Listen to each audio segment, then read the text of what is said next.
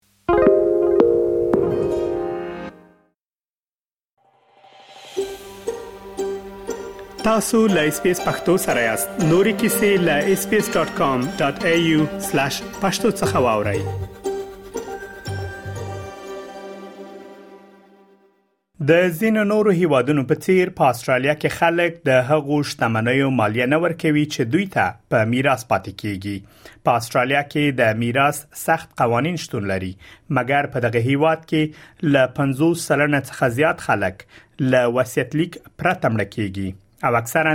د محکمې له مداخلې وروسته د وارثانو ترمنځ ستونزه حل کیږي کله چې یو څوک مړ شي نو د دوی میراث خپلوانو او ملګرو ته د وصیت لیک پر اساس ورکول کیږي ملیسا رینولدز د وکټوريا ایالتي امانتونو لپاره د باوري خدماتو اجرایوي عمومي مدیره ده هغه د شتمنیو ډولونه تشریح کوي چې له خلکو څخه په میراث کې پاتې کیږي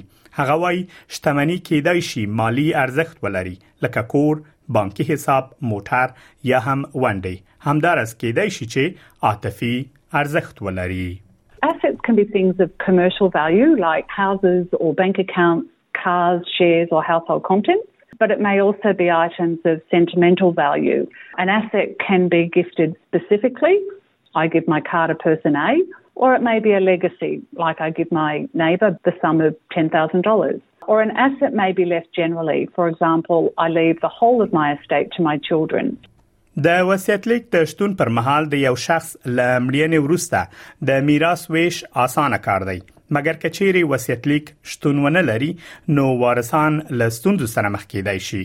په وصیت کې یو قانوني ارګان چې د اجرا کونکي په نوم پیژندل کیږي ټاکل کیږي چې د املاکو د امانت په توګه عمل وکړي د اجرا کونکي مسولیت دا دی ترڅو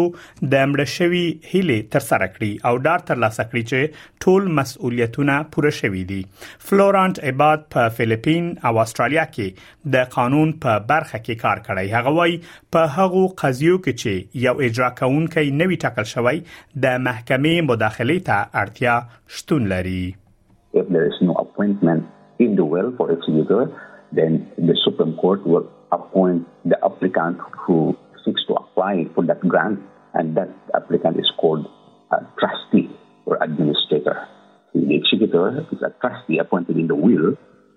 and the administrator is a trustee appointed by the court but not in the will.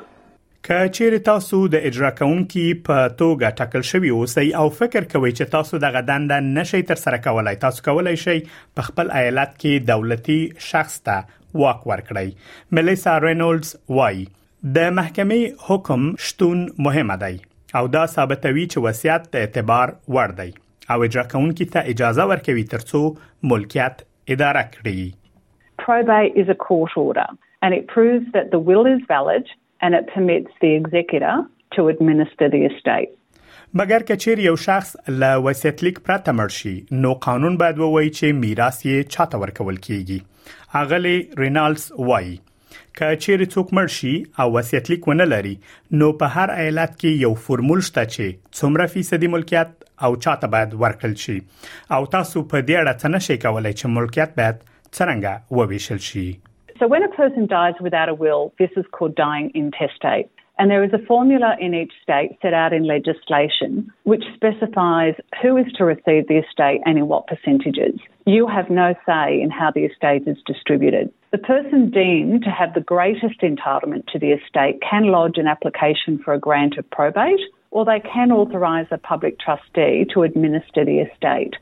هغه فورمول چې د وصیت لیک د نه شتون پر مهال د شتمنیو د ویشلو لپاره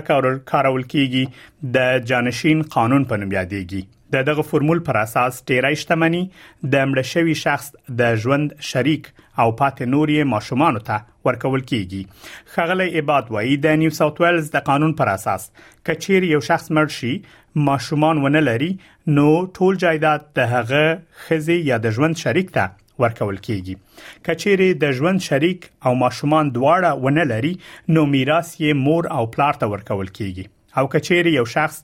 مرشي مور او پلار خزه او ماشومان ټول ونه لري نو جایداد یې کاکا ماما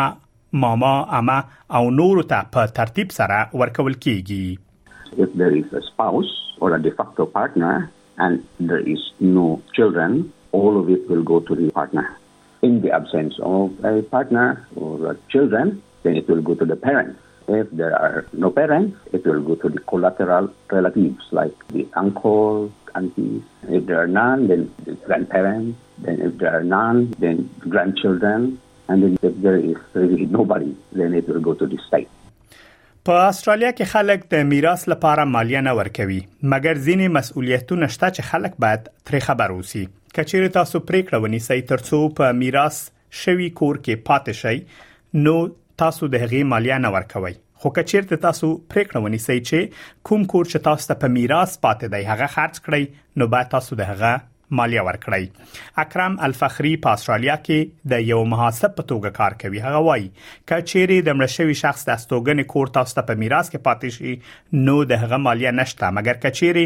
لمړ شوی شخص څخه دوه کور پاتې شي